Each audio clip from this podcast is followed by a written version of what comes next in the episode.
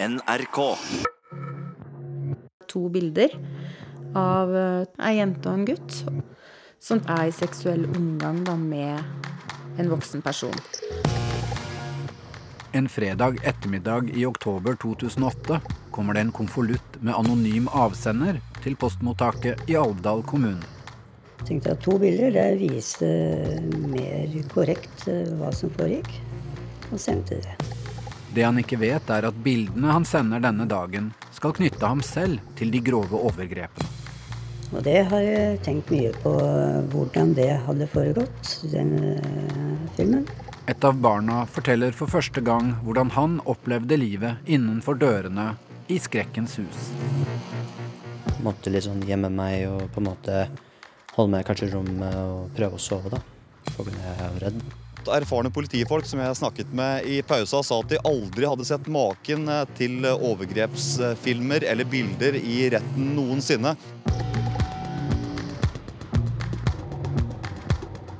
Du hører på hele historien om overgrepene i Alvdal av Kaja Frøysa.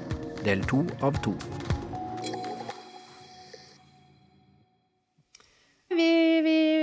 Banka jo på døra, og vi ble tatt godt imot, og vi ble vist inn i, inn i stua. Eh, Det er jo et helt eh, ordinært, vanlig hus, holdt jeg på å si, med en helt sånn normal størrelse. Sånn at vi, vi satte oss inn på stua.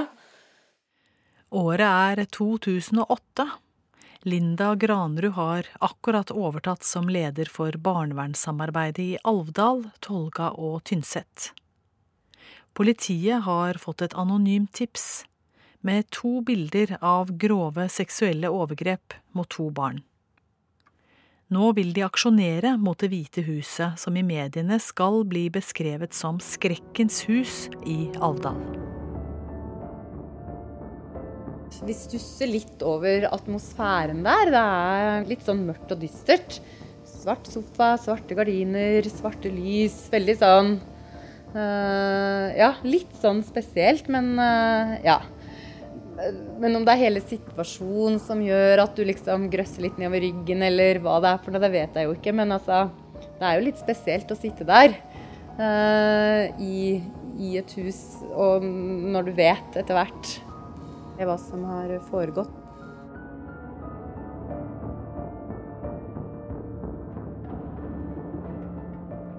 Samtidig leter politiet etter mannen som sendte de to bildene anonymt til kommunen. Under ransakinga så eh, kommer denne kvinnen med en eh, video. Hun kommer med den til oss mens vi holder på å ransake. Liv Heidi Bjerkmo er politiadvokat og skal bli den ansvarlige for etterforskningen av Alvdal-saken. Eh, sier at det viser overgrep fra eh, en som har vært samboer med henne og mot et av hennes barn. Vi pågriper hun dama da, og vi eh, får henne til eh, avhør. Moren er et helt alminnelig menneske som ser pen ut. Anne Kristin Lindkjølen er politioverbetjent og koordinator for etterforskning av seksuelle overgrep i Hedmark på denne tiden. Snart skal hun få i oppdrag å jobbe med det som etter hvert skal bli en av de mest omtalte overgrepssakene i norgeshistorien. Et langt, hvitt hår og pent kledd, rein. Eh, snakke godt for seg. Kan eh, tenke at hun er et helt alminnelig menneske. Som eh, man velger å tro på. Det er jo i vår natur at vi, vi vil jo tro på, på de vi omgås. eh. Så hun var god og, til å prate for seg, og virke til å være veldig blid og hyggelig og omgjengelig da, i den eh, omgangskretsen hun var i. Eh, sosial og skapte hygge rundt seg. Vi så jo i huset hennes, òg, det var jo rent og ryddig der. Moren legger skylden på den tidligere samboeren, som har dratt til Spania. Vi vet jo hvem denne mannen er. Hun sier jo når hun leverer denne filmen, så sier hun hvem mannen er. Og vi, eh, og vi prøver å få, få tak i han, men han er da dratt til Spania. Vi vet ikke adressen hans i Spania. Han har uh, åpenbart tenkt at der skal han flytte og bo, så vi, vi, vi sliter litt med å finne ut hvor han befinner seg hen. Vi fikk jo etter hvert uh, et godt uh, overblikk over mors omgangskrets og hvem som vanker hjemme der. Og satte i gang etterforskning omkring dem. Hva var det de hadde sett og observert? Hva hadde de vært involvert i sjøl? Langs en landevei i Alvdal bor familien som har kommet fra Gjerdrum. I nabohuset bor en familie som har kommet fra Trondheim. Moren i det ene huset er overgriper, og det samme er faren i nabohuset. Møtet mellom de to familiene skal bli skjebnesvangert for barna med det så øker jo saken i omfang, og, og med det så kommer også eh, nabofamilien inn i etterforskninga. Når var det dere da skjønte at det var flere barn involvert? For I første gang så var det disse to yngste barna. Ja. Jeg tror det kom eh, når vi fant bildene. De to første bildene som kommer inn til kommunehuset i Alvdal fredag etter arbeidstid den 3. oktober 2008, starter en jakt på flere bevis. Og så fant vi flere filmer. Og da fant vi filmer av eh, de, eh, de nabobarna. Han som sender bildene, har filmet og fotografert mye i Alvdalhuset. Eh, vi eh, etterlyser han. Eh, vi klarer å finne adressen hans, og vi, vi gjør avtale med han at han skal komme til Norge. Fordi at han trenger et nytt pass. Og I den forbindelse så, så, avtaler vi at han skal komme til Norge for å få, få det. Det utstedes reisebevis til han, og han bekrefter at han kommer. Den hovedmistenkte tidligere samboeren til kvinnen med det hvite håret kommer til Norge i november året etter. Han vet ikke at politiet sitter på en video som knytter også han til overgrepene. Så pågriper vi han. Vi avhører han og pågriper han, vi fremstiller han for fengsling. Han blir omtalt som barnas stefar, og snakker for første gang om Alvdal-saken. Da ble jeg arrestert. Han blir arrestert denne novemberdagen i 2009. Over ett år etter at han sendte to bilder anonymt til Alvdal kommune. Vi har forvrengt stemmen hans. Og der med en gang så fortalte jeg at jeg hadde tatt eh, bevis. Eh. Og det er klart, da ville vil de i hvert fall holde meg arrestert. For at Snart er det snakk om bilder. Men jeg var veldig åpen på det. Og jeg forklarte dem hvor de lå hen, hvordan jeg hadde oppbevart dem. Og alt som de ville ha svar på, fikk de. Fikk de. Hvor var det du hadde lagt dem? Jeg hadde pakka dem eh, i eh, papir og lagt dem eh, i en skuff eller et eller annet. Jeg husker ikke nå hvor jeg lagde dem. I Spania? I Spania, ja. Jeg tegna kart hvor de skulle kjøre for å komme dit. og alt det som trengtes. Vi setter i gang arbeidet med spanske myndigheter for å få ransaka i Spania. I Spania finner politiet 238 bilder, åtte DVD-er og to videoklipp som viser voksne og barn i seksuell omgang. Så jeg var takknemlig for at hun fant dem. Vi finner flere videoer. Vi finner mm, filmer som viser at, eh, at det begås overgrep mot barna. Eh, av han sjøl og av hovedmora. Vi eh, ser også at det er andre menn til stede på disse filmene. Mannen soner nå en dom på 15 år for overgrepene i Alvdal.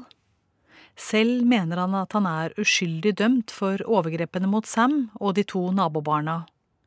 Og at filmene der han er til stede sammen med nabobarna, bare viser hverdagslige situasjoner. Eh, var, gutten var innom en liten tur og lekte mens jeg kom dit en gang. Og en annen gang så kom gutten og hun jenta innom, for hun skulle frisere håret. Det er de gangene. Men jeg har ikke snakka til dem. Har i hvert fall ikke rørt dem. Mm. Men det er du dømt for? Det er jeg dømt for, ja. Men øh, Eh, men fins det ikke noe dokumentasjon eller noen bilder av at du eh, er aktiv med de barna også? Det fins eh, et par bilder hvor hun friserer håret. Det fins et par bilder hvor, hun, hvor han gutten satt på fanget til moren der, og hvor mora lærte en sang. Og, eller så lekte han med gutten i huset der. Politiet derimot mener at han har hatt god tid på seg til å redigere filmene og klippe bort seg selv. Det har også retten trodd på. I filmene som vi fant i, i Spania, det, det, kan det virke som om, om, eh, om, hovedmistenkte har eh, foretatt en redigering. Det var en filmsnutt hvor stemmen min eh, var tatt bort. Det var det. Men det, det var ikke noe Jeg hadde ikke noe fysisk kontakt. Det var ikke noe overgrep. Men jeg hadde stemmen var der. Den hadde jeg satt bort.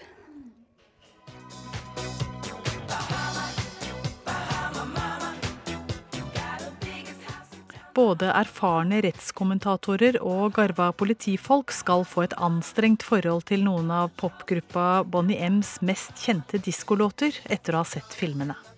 Og det er også satt på musikk som gjør inntrykk, og som forsterker det uttrykket som eh, filmene prøver å vise.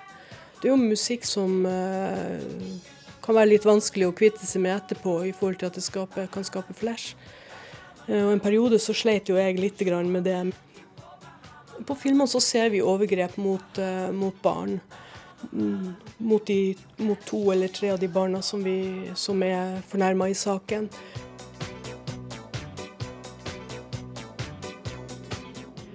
Filmene, sammen med barnas vitneutsagn, avslører at de to hovedtiltalte forgriper seg på barna, mens andre barn og voksne er til stede. De andre voksne tvinger barna til å kle av seg, og holder dem igjen når de forsøker å vri seg løs. De kommer også med oppmuntrende tilrop og sier at barna må gjøre det, og at de må kle seg nakne. Det er også hunder involvert i flere av de seksuelle handlingene. Mye av dette er festet til film og bilder. Ja, det kunne virke som om, om han sjøl hadde en litt mer perifer rolle i det. Men vi fant flere utgaver, så det også styrker tanken om at han har flere versjoner av, av, av filmer. Politiet på det lille lensmannskontoret jobber døgnet rundt, og saken blir stadig større. På et tidspunkt så tror jeg jeg hadde åtte, åtte sikta i saken. Én eh, dør mens vi holder på eh, med etterforskninga, og saken, den saken blir jo henlagt. Eh, og så dør vel en, en, annen senere i saken uten at, uten at det var kommet noe videre i etterforskninga mot han. Så Sånn utvikler saken seg. Det er en sak som er ressurskrevende fordi vi har, så, vi har mye beslag.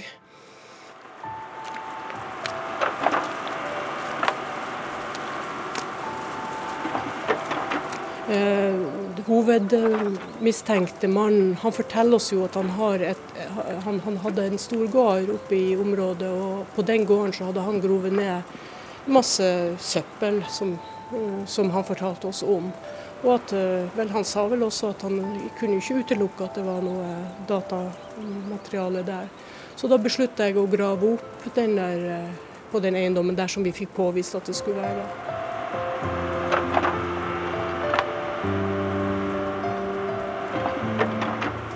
Det var et stort arbeid. Både fordi at, eh, at eh, været var så dårlig, og at eh, det var et stort område, og mye søppel. Så vi leita etter nåler i høystakken.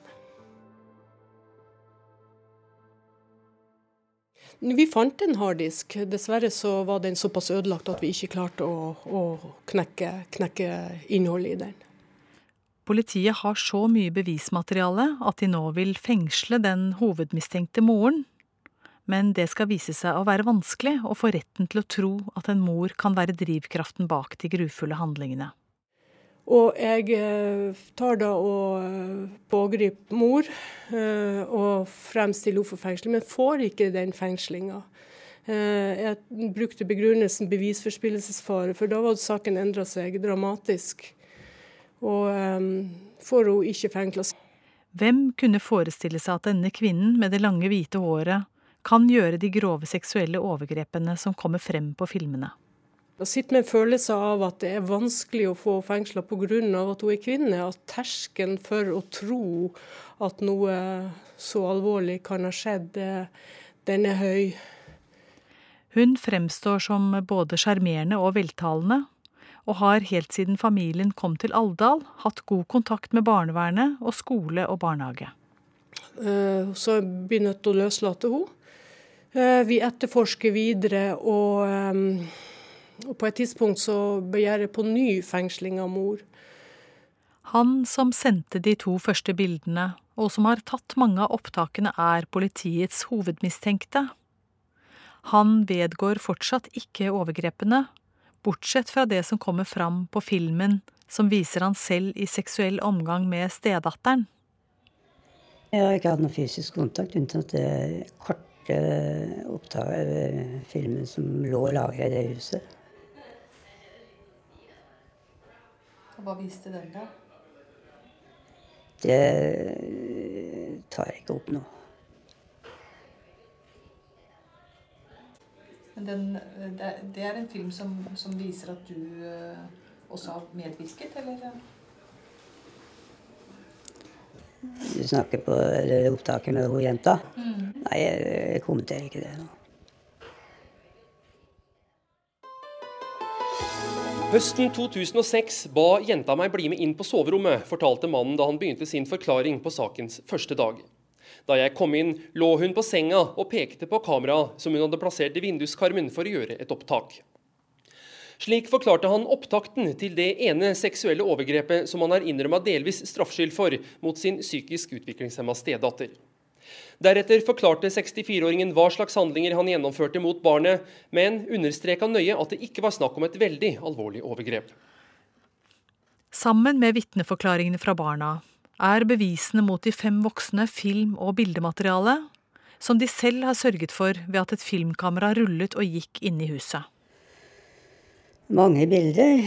Det er vel ikke så mange i forhold til dagens bildesamlinger. men men eh, alle var sjølsagt ikke eh, av kategorien bevis. Jeg bare samla opp det hadde Eller, Og eh, jeg hadde ikke noen klare meninger om mengder, størrelser. Nå var det ikke Hvorfor gjorde du det? Jeg syns hele situasjonen var absurd. og Jeg, jeg knipsa nok kanskje i overkant det som hadde vært naturlig. Det, det, er sant. Men jeg har lyst til å legge til det at uh, masse bilder her som jeg ikke kjente igjen. For eh, uten å legge skylda på noen, så er det nok andre som har brukt kamera. For det lå i kjøkkenskuffen. En av dem som blir tatt inn til avhør, er snekkeren som reparerte noe i huset, og ble den første kjæresten til kvinnen etter at hun flyttet til Avdal. Klokka kvart på sju en morgen. Jeg ble hentet på døra i sivil, og så ble jeg kjørt lenger ned i veien her til uniformert bil, og så ble jeg kjørt til Tynset.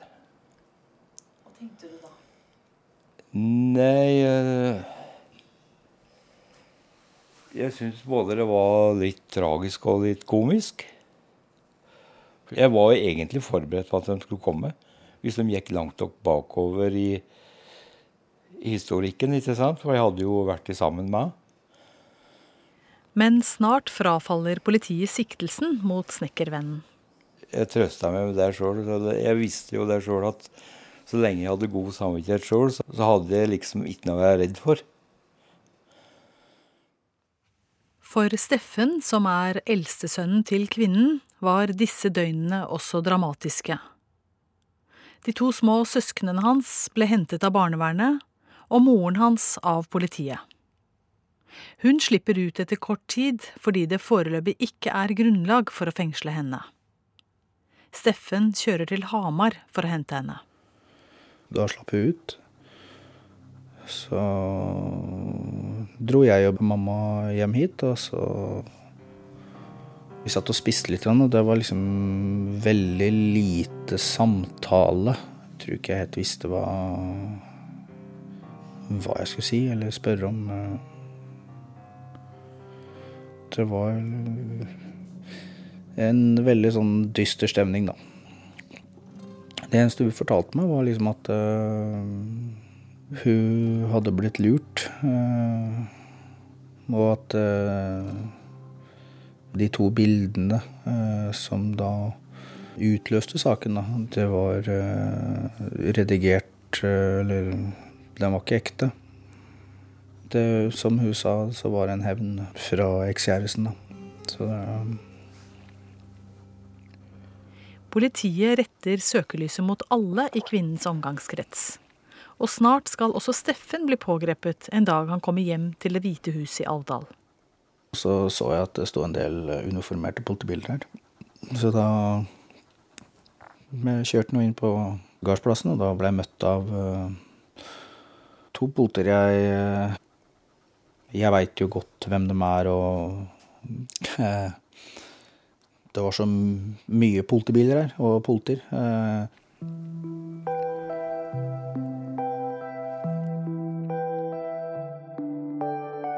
Steffen blir kjørt til Tynset og siktet for medvirkning. Og da ble jeg ført inn på Altså, jeg så så cellene, og da liksom var det akkurat som at kroppen satte seg imot, og så stoppa, og så bare hva hva skjer? Ja, du må da sitte her, her eh, en, en liten stund. Da, da fikk jeg eh, da et skriv i handa. Det var pågripet og sikta for eh, den og den, den paragrafen. Og så ble det da låst inn, da.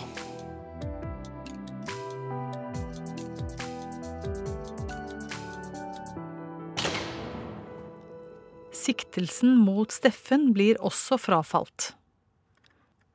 Nå står politiet igjen med de fem som senere skal dømmes til lange forvarings- og fengselsstraffer.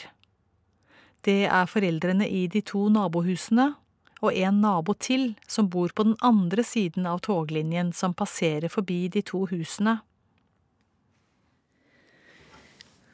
Jeg får i oppgave å, å avhøre mor. Um fordi jeg har litt erfaring med å avhøre overgripere. Det forteller politioverbetjent Anne Kristin Lindkjølen. Møter ei dame som uh, pent kledd, langt, hvitt hår nedover ryggen, pent sminke, røde, fine negler, skinnstøvletter over knærne, høye hæler Og vi hadde mange timer sammen i avhør. Og jeg er alltid opptatt av eh, Jeg sitter og avhører eh, personer som eh, har den type mistanke rettet mot seg. At det er viktig at man når fram til mennesket bak handlingen. Jeg brukte mye tid på å etablere god kontakt med hender. Prøve å så godt det lot seg gjøre, å motivere til å avgi en så mest sannferdig forklaring som mulig. Og spesielt i, i forhold til hensynet til barna hennes. Uh, om hun hadde utsatt henne for en straffbar handling, at hun uh, nå hadde en mulighet til å rette opp det. I forhold til videre fremtidig samvær med barna sine. Så det brukte jeg mye tid på. Nå erkjente jo ingenting. Ville ikke erkjenne noe straffskyld for noen ting. På det tidspunktet så kjenner vi jo til uh, filmen hvor uh, hennes samboer hadde forgrepet seg på det yngste dattera, og andre bilder.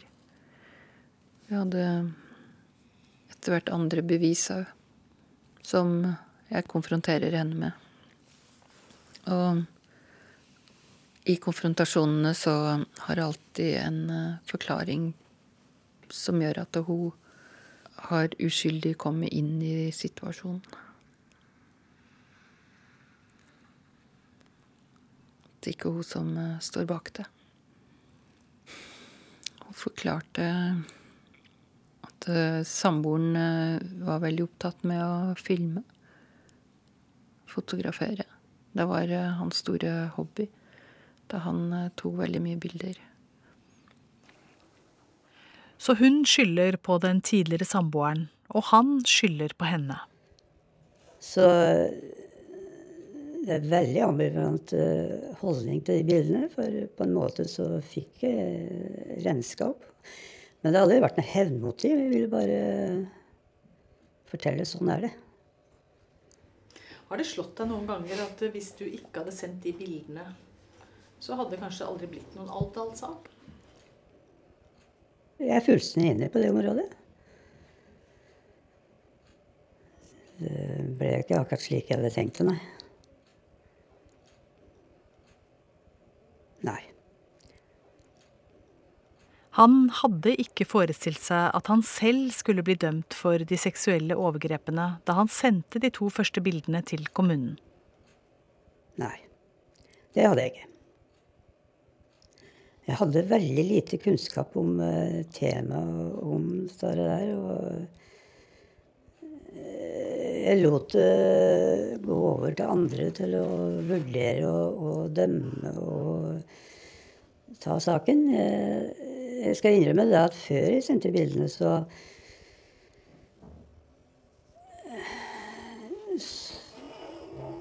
Noe av problemet var at jeg vurderte så voldsomt hva er best. Skal jeg sende, skal jeg ikke sende? Og når jeg sendte det, så tenkte jeg at ja, men det er ikke min oppgave å vurdere og ta stilling til det. Jeg skal bare si ifra at sånn var det. Så får andre ta stilling til hvordan videre saken skal gå.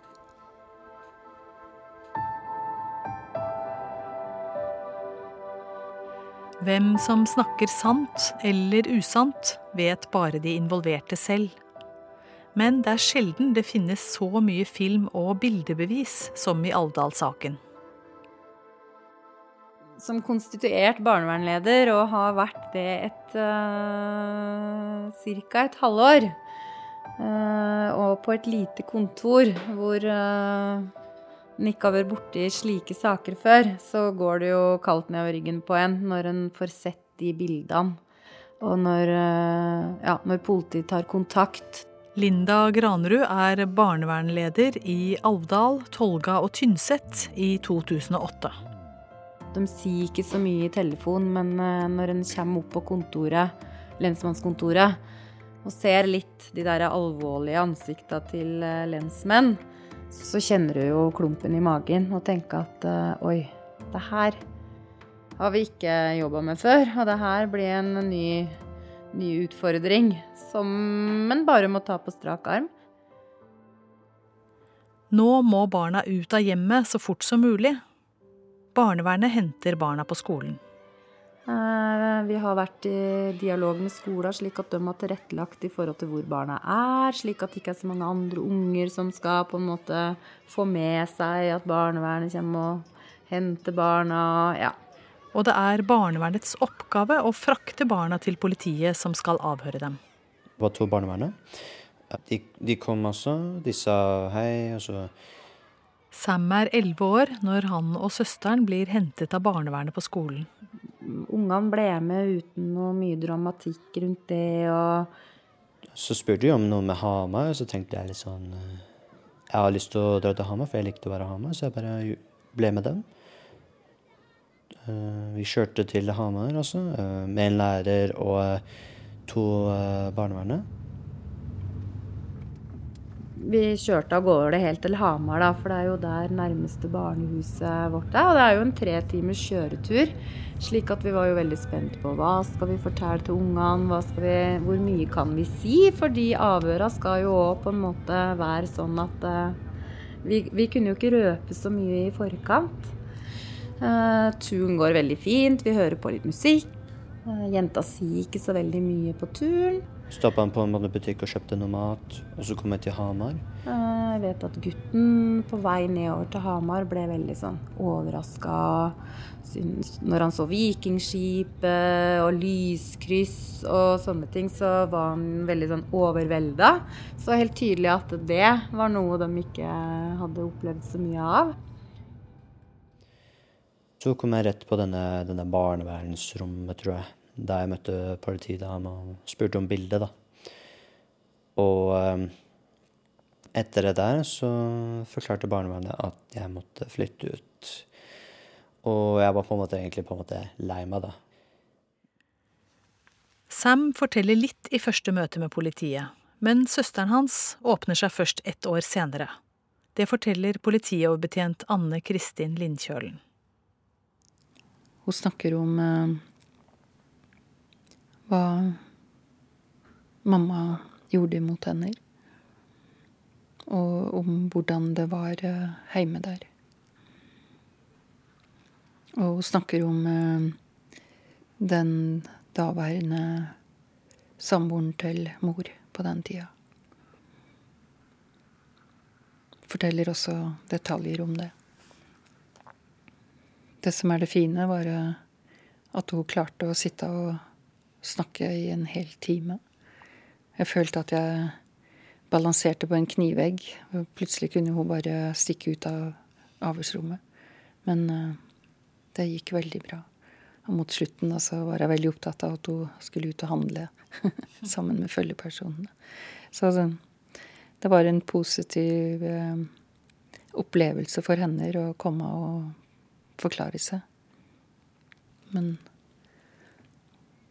det jeg husker spesielt, det var jo den der spenninga før. Før jeg skulle møte henne, og den utrolige kontakten vi får. Um, det er jo helt magisk for den som sitter i det. Hvordan man da klarer å føre en samtale med et barn som uh, har reduserte evner til å formidle seg. Men det klarte vi. For på dette tidspunktet så har dere eh, sett en del film, så dere, på en måte, dere er ikke i tvil om uh, at det har foregått ting? Nei. Da var vi sikre på det.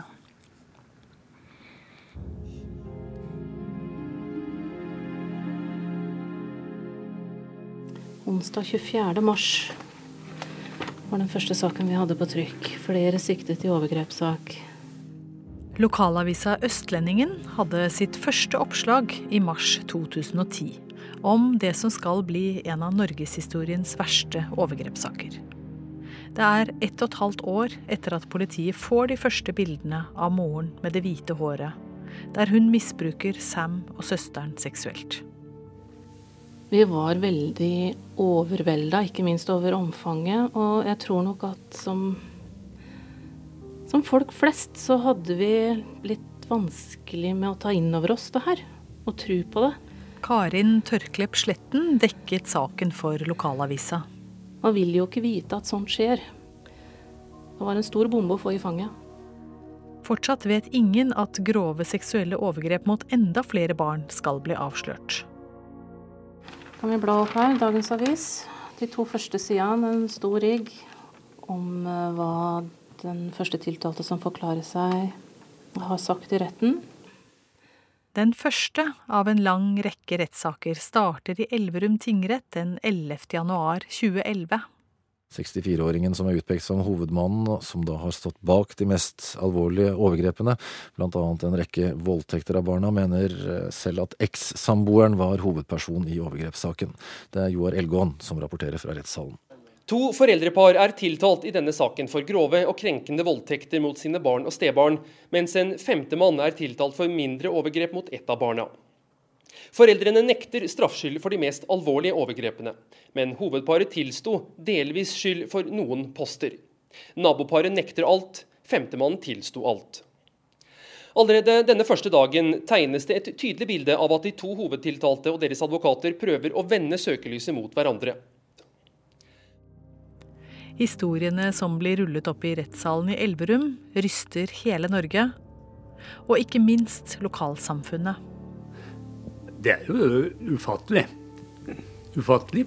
For det at jeg syns vi bor i ei bygd, ei trivelig bygd. Forholdsvis harmonisk bygd, men så er det altså dette merkverdig, tilfeldige, uhyggelige som altså har foregått her.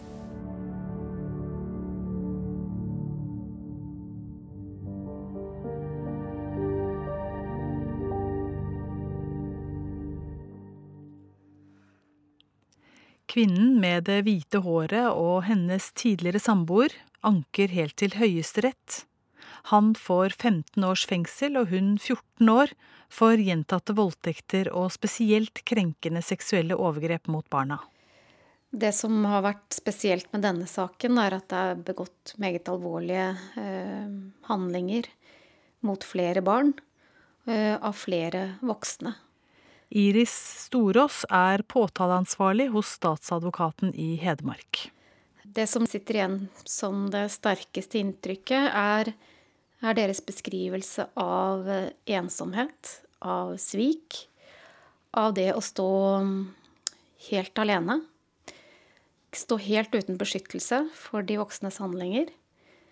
Um, at de som eh, skal passe på dem, er de som begår eh, grove handlinger mot dem. Nabomoren blir dømt til fem og et halvt års fengsel for medvirkning. Nå har hun sonet ferdig straffen, men hun mener fortsatt at dommen er feil. Hun sier at hun ikke kjenner seg igjen i barnas beskrivelser av hvordan hun medvirket, og at hun ville stoppet overgrepene hvis hun hadde visst hva som foregikk. Dette ble hun ikke trodd på i retten. De er jo overlatt til sine nærmeste omsorgspersoner, og når det er de som begår overgrep, så har de ikke noe sted å flykte spesielt eh, nabobarna, hvor foreldrene sto og så på at de ble utsatt for overgrep, og også hindret dem eh, å forlate stedet, og fortalte barna at dette måtte de være med på. I kjølvannet av Alvdal-saken kommer det opp flere historier om grove seksuelle overgrep hovedmoren og hennes daværende mann har begått i årene familien bodde i Gjerdrum.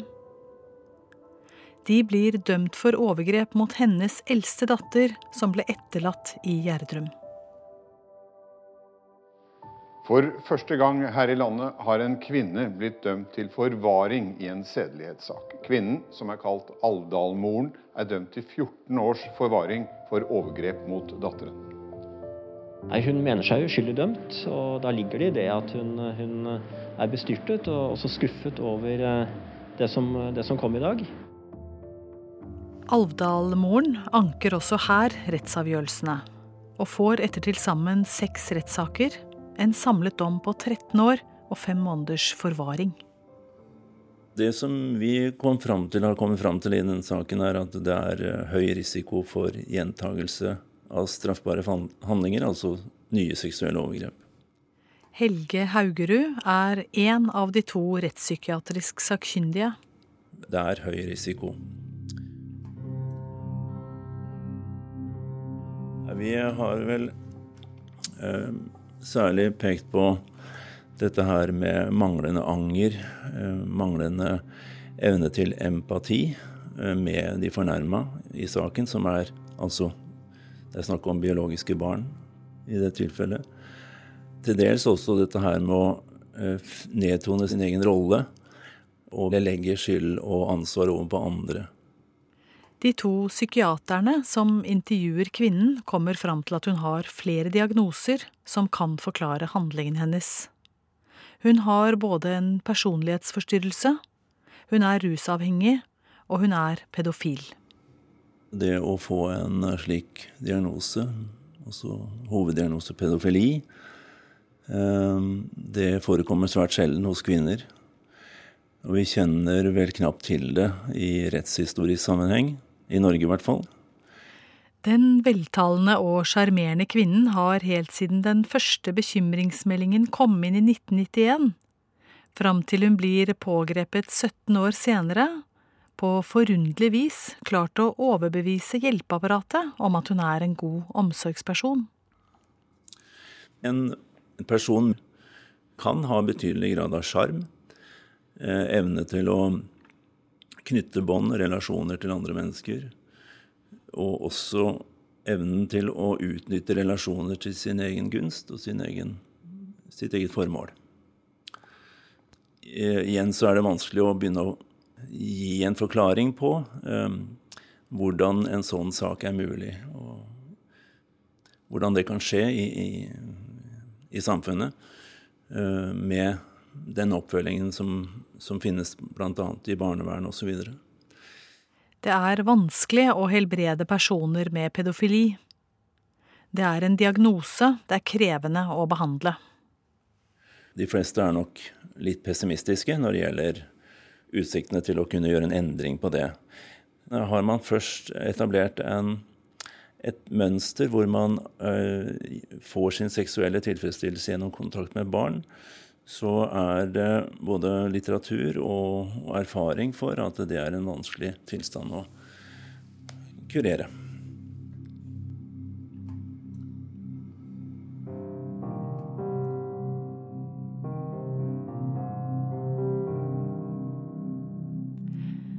Men det er ikke slutt med dette. Nå skal fortiden også innhente nabofaren til nå er han bare dømt for medvirkning for overgrepene i Alvdalhuset. Men under rettssakene forteller en sønn fra nabofarens første ekteskap om farens overgrep. Han forklarte da at øh, uh, hans far hadde begått seksuelt overgrep mot han når han var liten, seks-syv år gammel. Um, at han ikke hadde klart å forklare dette tidligere. Samtidig med det så ble en anmeldelse som gjaldt uh, datteren til naboparet. Hun hadde også anmeldt sin far for overgrep. Overgrep begått mens de bodde i Trondheim, altså før de flyttet til Alvdal. Og overgrep som hadde fortsatt også mens de bodde i Alvdal. Samtidig som hun også ble utsatt for overgrep eh, hos naboene, altså hovedmoren og hennes samboer. Og til slutt så har vi etter det en ytterligere tiltale, som også gjaldt nabomannen. Sønnen i huset, altså hans minste eh, barn. Eh, et av nabobarna, som vi gjerne sier, i Alvdal-saken han eh, forklarte til politiet at også han hadde vært utsatt for overgrep hjemme der mens de bodde i Alvdal. Så også han uh, fortalte at mens han ble utsatt for overgrep oppe hos hovedmoren og hennes samboer, så ble han også utsatt for uh, grove seksuelle overgrep hjemme av sin far.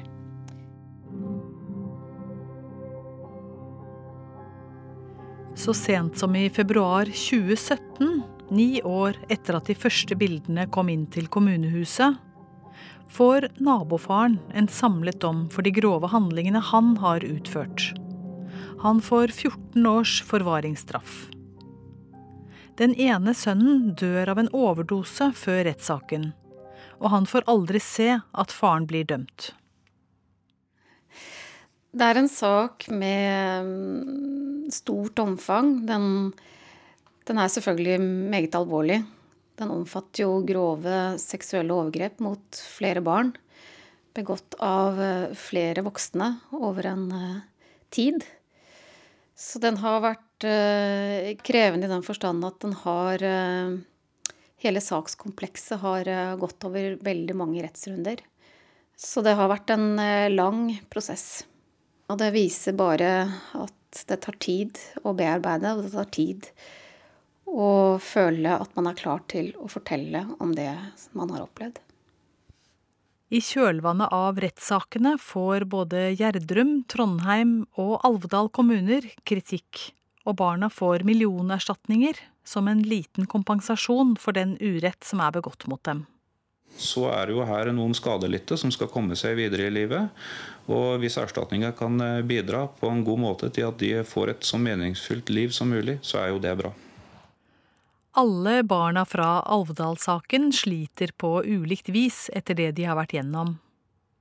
Steffen er uføretrygdet og bor i det hvitmalte huset som moren og stefaren hans kjøpte da familien flyttet til Alvdal. Men du bor altså da i barndomshjemmet. Du bor i dette huset som da ble beskrevet som uh, Skrekkens, hus. hus. Ja. Så, for meg så er det jo uh, Det er jo ikke ett eneste rom som er likt nå. Uh, jeg har jo sjøl pussa opp hele huset. Så for deg er ikke dette Skrekkens hus? Nei, det er jo ikke det. Men hvordan var det at det ble liksom omtalt som det?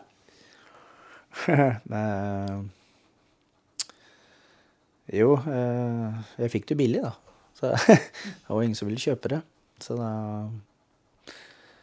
eh, Sånn sett så var det jo dårlig eh, salgstaktikk. Men Nei, det, det var jo ikke noe gøy. Men jeg har liksom Jeg har ledd litt. Jeg har drevet og Første året så drev jeg og så kløpte plenen ut der, og da liksom stoppa det folk og tok bilder, og Det er liksom Jeg måtte flire litt.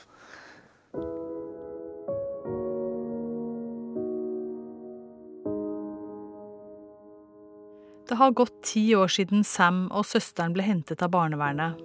Sam har nå blitt 21 år og vil at hans historie ikke lenger skal være hemmelig. Jeg heter Sam Plasgaard. Jeg er en uh, kjent for Avdal-gutten, eller den yngste sønnen i Avdal-saken. Grunnen jeg sier navnet mitt, er på grunn av jeg er på en måte lei av å holde hemmelighet i ti år. Og jeg tror det er best at jeg sier det ut. Fordi jeg er egentlig lei å holde meg nøytral. Og um, så mange overbeskytter meg og sier at jeg ikke, skal si noe, og det tror jeg er egentlig litt lei av. Så For jeg tror mange kan respektere meg med jeg virkelig er, da. Um, så ja. Så jeg håper de respekterer og håper at um, de forstår, da, at dette er viktig for meg og alle de andre, da. Så, så ja.